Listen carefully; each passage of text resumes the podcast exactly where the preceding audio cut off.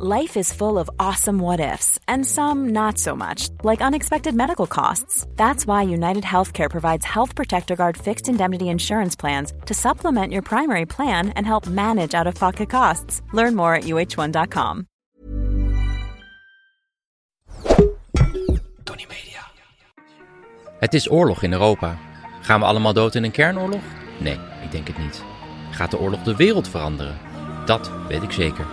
In samenwerking met Dagblad Trouw probeer ik met deze podcast grip te krijgen op de oorlog. Hier houd ik je wekelijks op de hoogte van de situatie in Oekraïne en Rusland. En dit gebeurde er in week 9 van het tweede jaar van de oorlog.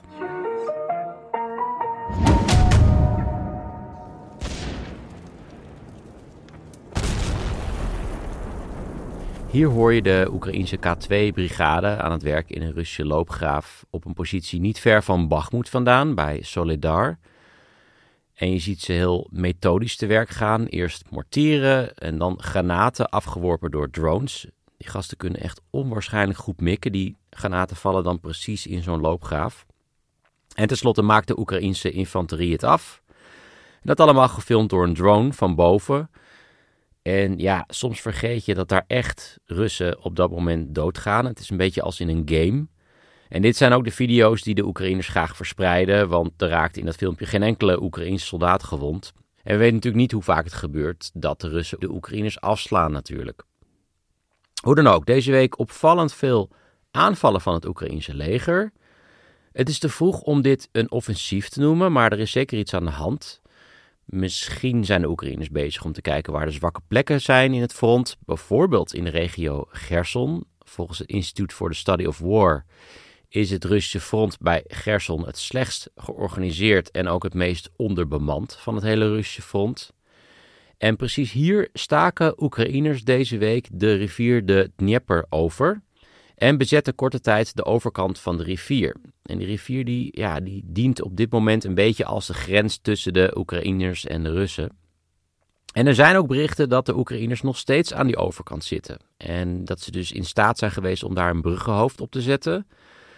Maar het is niet bekend of dat is gelukt. Dit zou wel echt grote gevolgen hebben, want op precies die plek van de oversteek ligt een eh, kapotgeschoten brug. En als ze die repareren, kunnen de Oekraïners snel oprukken op een plek waar dus de Russen onderbezet zijn en grotendeels bemand zijn door slecht gemotiveerde, gemobiliseerde mannen. En ook op andere plekken langs het front deze week waren de Oekraïners actief. Ook dit is een beetje een klassieke voorbereiding op een offensief. Dat je op een aantal plekken tegelijk aanvalt, zodat de vijand niet weet waar je je versterkingen heen moet sturen. Zoals er een kleine overwinning bij Kremina. Ergens anders zijn ze ook de Dnieper overgestoken. Er is ook een oliedepot in Luhansk opgeblazen. En ook op de Krim was er een aanslag, in dit geval met bootdrones, uh, op de basis van de Zwarte Zeevloot. Het is niet helemaal duidelijk wat daar de schade was.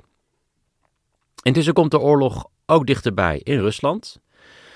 Boven de stad Belgorod liet deze week een Russische straaljager per ongeluk een bom vallen op een kruispunt in het centrum van de stad. Heb ik ook wel eens hoor dat ik dan vlieg in een straaljager en ja, per ongeluk een bom laat vallen. Kan gebeuren. Volgens het Russische ministerie van Defensie was er sprake van een niet-standaard afdaling van luchtvaartmunitie. Nou, vind ik echt een prachtige formulering. Ik vrees wel voor een niet-standaard afdaling van de piloot uit een raam van een hoog gebouw. Als iemand die fles vodka in de cabine vindt van de straaljager. Hoe dan ook, het was een krachtige explosie. Een auto belandde door die explosie op het dak van een Pichoritska supermarkt, zeg maar de Lidl van Rusland. Er raakten maar drie mensen gewond. Dat valt echt heel erg mee als je ziet wat voor explosie het was. En er zou ook nog eens een tweede bom zijn neergevallen en die was dan niet ontploft. Verderop, wat meer naar het noorden, bij een dorp ten oosten van Moskou, stortte vannacht een drone neer, waarschijnlijk een Oekraïense drone, op 100 kilometer van het Rode Plein. Vnukovo, een van de vliegvelden van Moskou, was een tijdje gesloten. En ja, ik denk dat het gewoon een kwestie van tijd is voor er eentje uh, in Moskou zelf neer gaat donderen. Goed, gaan we verder met de Russische media.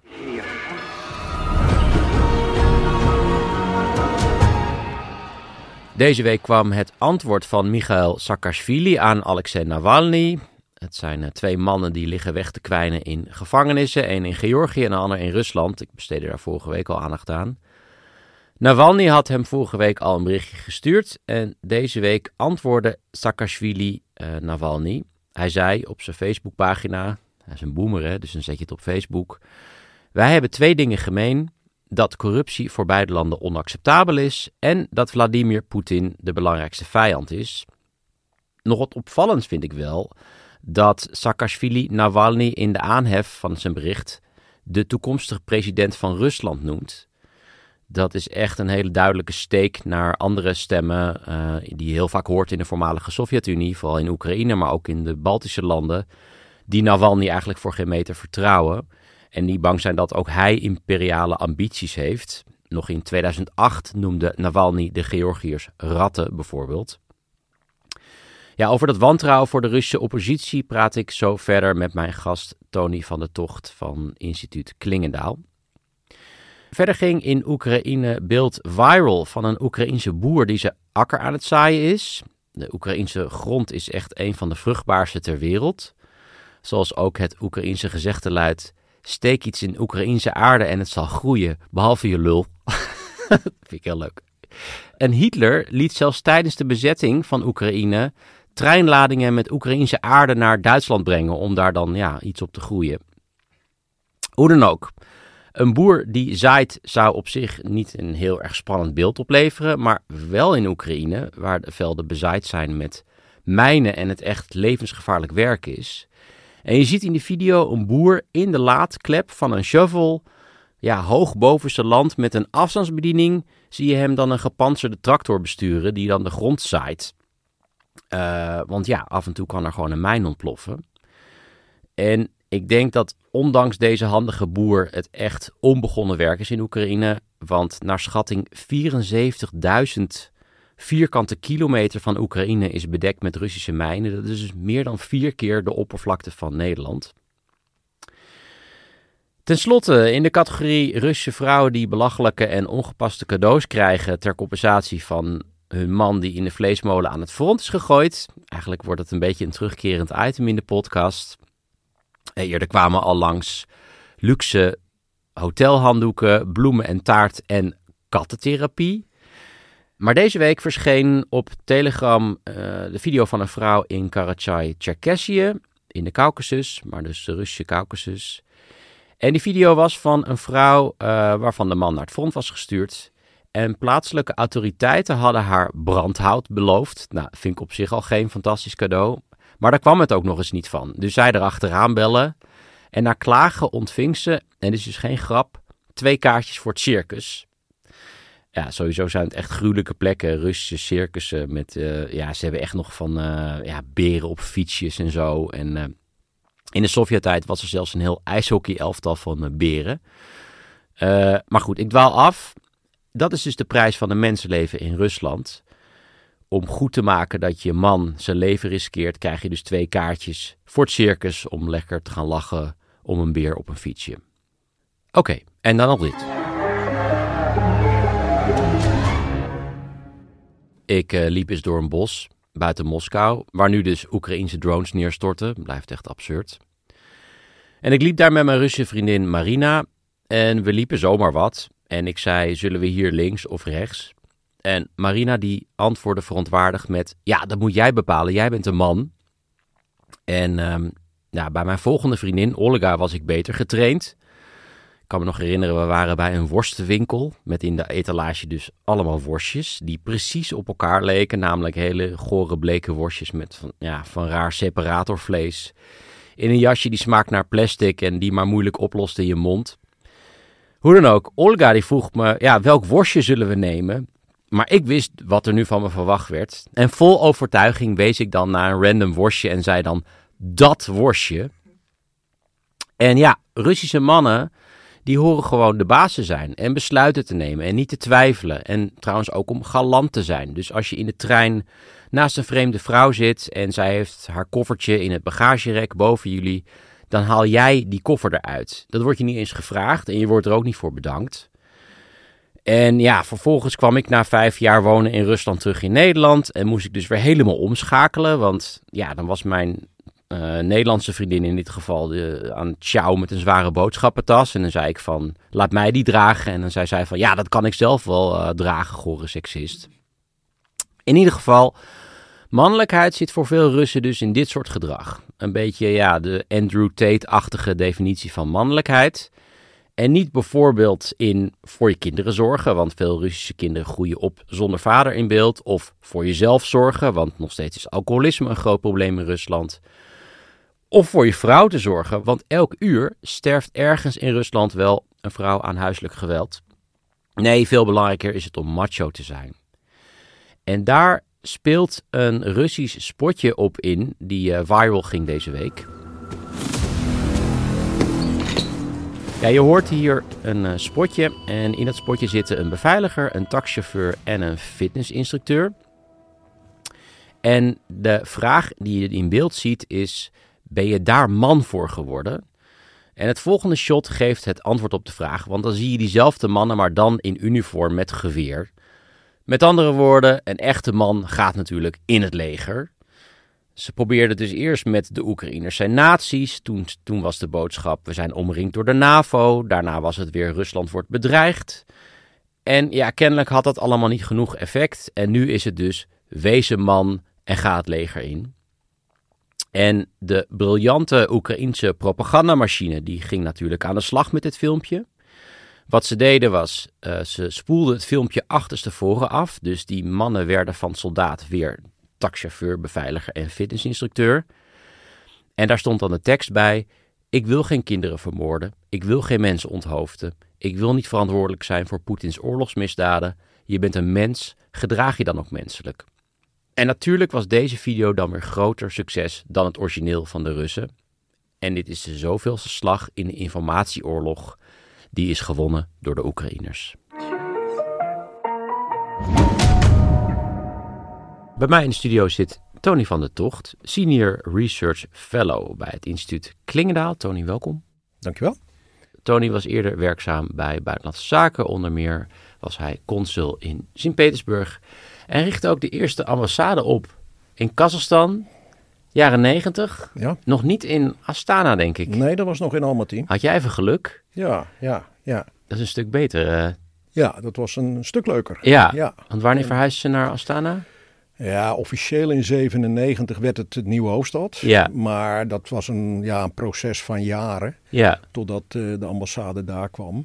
Ja. En, en wij hebben nog jarenlang uh, een klein groen kantoortje in het centrum van Almaty gehad. Oh, stukken beter. Even ja. voor de luisteraars. Ja, in de jaren 90 besloot Kazachstan de hoofdstad te verplaatsen naar ja, midden op de, ja, geografisch het midden van het land. Dat Ja. was denk ik ook het idee. Maar een ijskoude steppen waar je echt niet dood eh, aangetroffen wil, wil worden. Dus Nee. eh, nou goed, jij zat lekker in Almaty. Hey, om even te beginnen, de afgelopen week is eh, de eerste Nederlandse ambassade geopend in Moldavië. Ja. Kan jij vertellen wat het, wat het belang daarvan is? Ja, ehm, we zijn natuurlijk al, al een aantal jaren, we hebben al eerder een kantoor in, eh, in eh, Chisinau gevestigd, maar dan onder de ambassade in Boekarest. Ehm, het idee was een beetje om overal in landen van het oostelijk partnerschap in ieder geval iets te hebben. Ja, Eh, daar waren niet waanzinnig grote belangen. Het is een, een, een, een betrekkelijk arm land, en klein. klein. Dus ja, heel veel handelsmogelijkheden zijn er niet. Maar eh, ja, het, het land wil eh, graag onder de huidige regering bij de Europese Unie eh, komen.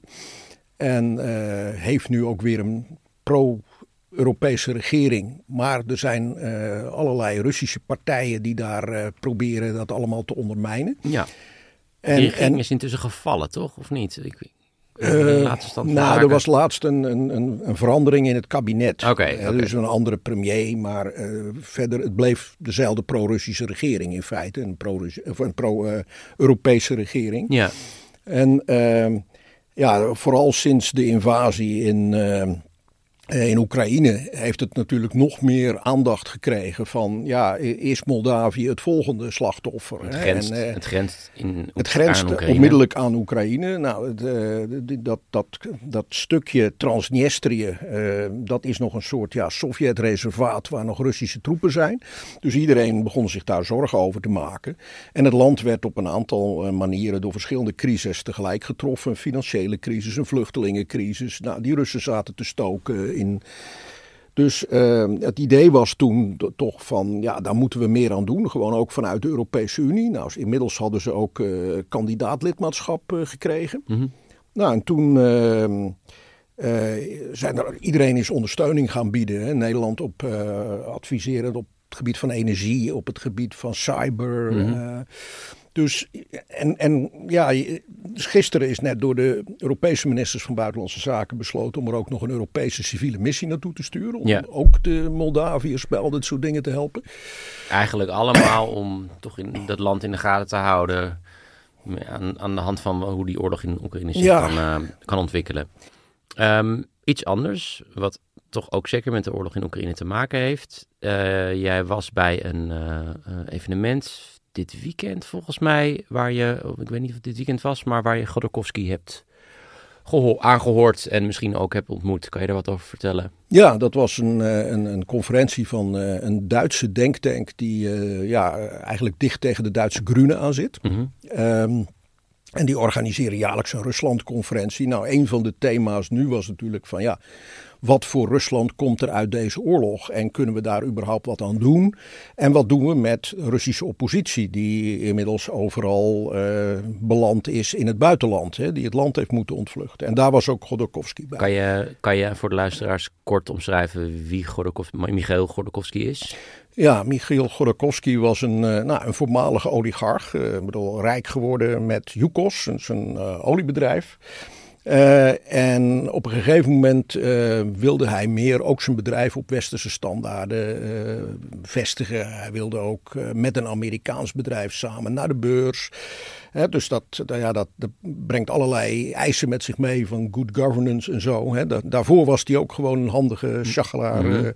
uit de Komsomol, de jeugdbeweging van de communistische partij. Ja. Maar hij, en ook wel politieke ambities had hij op een gegeven moment. Hij had op een gegeven moment ook politieke ambities, maar vooral omdat dat hij Poetin rechtstreeks toen aansprak op de corruptie in het overheidsapparaat uh, en dan ook nog die politieke ambities. Uh, is hij op een gegeven moment voor uh, tien jaar de gevangenis ingegaan of strafkamp ingegaan. Ja, dus hout gaan hakken in Siberië ergens. Ja, ja, ja. ja. En toen is hij uiteindelijk wel weer vrijgekomen. Eigenlijk met het idee van, van nou ja, als je je verder rustig houdt. En er was toen ook Duitse bemiddeling daarbij. Nou, en je gaat maar naar Londen en dan horen we verder niks meer van je. Maar die, die belofte, ja, daar zegt hij van ja, daar kan ik niet meer, uh, nee, kan ik niet meer mee aankomen. Actieve oppositie. Wat, wat, voor, wat voor ideeën heeft uh, over een uh, post-Poetin-Rusland? Ja, hij, wil, um, hij heeft een, een, een, pamflet wat hij daar ook uh, uitdeelde. Um, dat heet uh, um, Hoe de draak te verslaan, hoe de draak te doden. En de draak is dan eigenlijk ja, het, het, het autoritaire imperialistische Rusland. Eh, en wat hij wil is, is, is democratie, rechtsstaat, maar ook een federaal Rusland. Want hij zegt van ja, we moeten voorkomen dat we, net als in de jaren negentig, dat we na zo'n ineenstorting, dan krijgen we weer een goede tsaar. En na verloop van tijd zitten we weer precies in hetzelfde, hetzelfde schuitje. Dus er moeten checks en balances komen in het hele systeem. Nou, hoe daar te komen, dat blijft nog een lange termijn verhaal. Dat, uh, bedoel, een soort van Verenigde Staten van Rusland. Dus dat, dat, dat bijvoorbeeld een land als een gebied als Tsjetsjenië of Tatarstan, dat dat een soort van of meer autonomie krijgt. Ja, kan je zo ja, bij voorstellen? Ja, maar dan wel met, met een rechtsstaat en wel, want anders krijg je weer allemaal lokale dictatortjes. En dat ja. wil hij juist ook tegengaan. Nee. En uh, heeft hij het ook nog gehad over de organisatie van die Russische oppositie? Want als je het spiegelt aan de uh, oppositie van uh, Wit-Rusland, dan heb je één duidelijk figuur. Dat is Tiganovskaya en, ja. en dat is de, de, de, de spreekbuis. En je hebt volgens mij zelfs een schaduwregering. Dat soort dingen ontbreken aan Russische zijde totaal, volgens ja. mij. Ja, hij is vicevoorzitter, Godorkovsky vicevoorzitter van een, een, een anti-oorlogscomité. Maar je hebt ook een organisatie, eh, Free Russia, Ja. eh, van mensen als Milov, oud-minister, die, die was daar ook. Dus je hebt, het is heel erg versnipperd. En ehm, er zijn nu wat pogingen, want er zijn wel eens eerder congressen geweest waar, je, waar, waar dan die hele Russische oppositie bij elkaar gebracht wordt. Maar ja, dat is een soort Poolse landdag. Die zijn het allemaal met elkaar oneens. uit. Dus ja, dus dat. eh, en nu probeert men vanuit het Europees Parlement ook. Er zijn dus een groep dat is Friends of European Russia. Onder leiding van een, eh, een ehm, eh, Litouwse Europarlementariër Kubilius. Eh, en die proberen een beetje te bemiddelen. Dat, dat er straks begin juni komt er dan weer een conferentie in Brussel. Die zij dan organiseren. En dan proberen ze een beetje zo iedereen op één noemer te krijgen. Ja. En het ideaal van, nou ja, ook van sommige van de oppositie die daar rondlopen, is van ja, eigenlijk moeten we net zoiets hebben als in Belarus. Hè? Ja. Dus een soort regering in ballingschap Ja. met vertegenwoordigingen die ook, hè, ook voor westerse partners aanspreekpunt kunnen zijn voor Ja. een alternatief Rusland. En toch is er niet een heel vanzelfsprekende leider. Nee. Als ik, als ik probeer Nee. me voor te stellen van oké, als ze al zich al verenigen en ze, ze eh, gaan eh, voorbij die Poolse landdag. Ja, wie is dat dan? Ja, ik zou Ja. zeggen eh, iemand als Navalny, maar die zit, die zit, dat kan duidelijk niet, die zit in de gevangenis. Nee. Dus Maar ja. voel, ik kreeg ook niet de indruk dat Godorkovsky die ambitie heeft. Daar heeft het steeds over een, het vormen van een brede coalitie. Eh, dus, dus niet een eenhoofdig leiderschap, een soort nieuwe goede tsaar of zo, die dan eh, straks het kan overnemen. Dus, Mhm. eh, dus, een, dus een, een soort meerhoofdig leiderschap. Ja. En wat volgens mij onderdeel is van de toch wel verdeeldheid bij die oppositie, is hoe ze kijken naar ja, wat ik toch zie als Russisch imperialisme. En ehm, eh, eh, ja, hoe, hoe, hoe Rusland eruit gaat zien na Poetin en of ze niet weer een ander land binnen gaan vallen. Ja. Daar hebben ze ook hele, hele verschillende ideeën over, toch? Ja, dus, want vroeger had Navalny die vond het in de tijd ook goed dat de Krim geannexeerd werd. Daar is hij nou een beetje op teruggekomen. Ehm, maar dat blijft een verdeeld punt, denk ik, in de Russische oppositie. Kijk, iedereen vindt die oorlog slecht. En heeft ook wel het idee van, nou, er moet iets gebeuren. En Oekraïne moet eh, schadeloos gesteld worden. En eh, ja, er moeten mensen voor een tribunaal komen en verantwoording afleggen. Maar ja, of dat dan helemaal zo, ook de Krim terug. Ik denk niet dat iedereen het daarover eens is. Nee. Dus, maar Godorkovskis oplossing met dat federalisme is dus van... Ja, kijk, Rusland is eigenlijk te groot... En, en je moet het dus opknippen in, in, in, eh, nou ja, in deelstaatjes die een zekere verantwoordelijkheid geven. Eh, ook omdat ze dan meer met, met elkaar bezig zijn dan uiteindelijk weer, weer een land gaan binnenvallen. Ja. Maar daar moet ook draagvlak natuurlijk zijn bij de Russische bevolking, die al twintig jaar geïndoctrineerd worden door imperialistische boodschappen op de televisie. Dus dat is ook Ja. zo verrekte Ja. lastig, lijkt me. Ja, om door die, door die propaganda ook heen te breken. Ehm, je ziet ook dat die oppositie ook daarmee worstelt. Hè, van hoe bereik je überhaupt nog mensen in Rusland? En hoe bereik je ze met een boodschap dat er een alternatief is? Hè? Dus als eh, de grote baas gefaald heeft en, eh, en er is een schokeffect van, van nou, het gaat niet goed met die oorlog. Stel dat ze, ze verliezen hem op een of andere manier of hij kan het niet meer verkopen als een overwinning Ja. ja, eh, wat gebeurt er dan? Hè? Dus ik vond het wel interessant om ook te horen eh, van mensen van, nou, dat er ook in kringen rond het Kremlin inmiddels zeg maar, de onvrede met hoe het gaat groeit.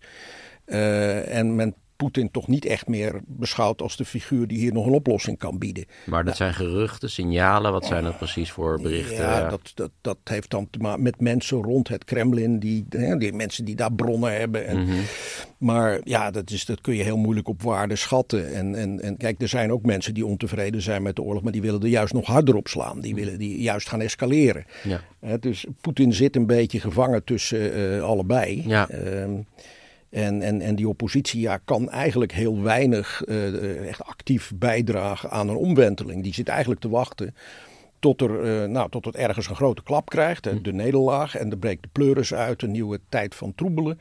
En dan kunnen ze een rol gaan spelen. Maar hoe, hoe daar te komen, ja.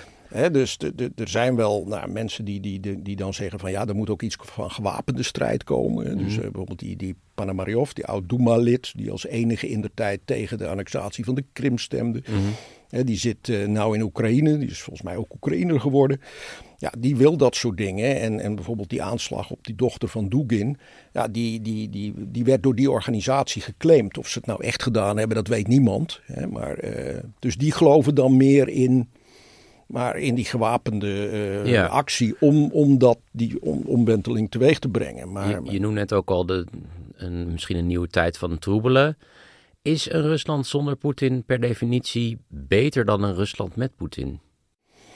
Nou, dat ligt er helemaal aan wat, hè, wat er uit die oorlog komt uiteindelijk. En, en uh, dus niet per definitie beter. Het kan, het kan slechter nog. Het kan, ja, als iemand anders die er nog harder op wil slaan, een Patrushev, de baas van de, de secretaris van de Nationale Veiligheidsraad. Of, een Prigozhin.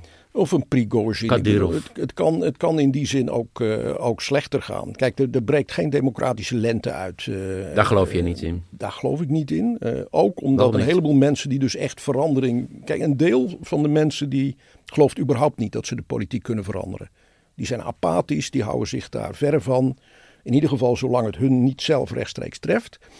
En een aantal anderen, wel meer dan een half miljoen mensen van wie je nou, zou kunnen zeggen die willen verandering, ja, die hebben het land verlaten.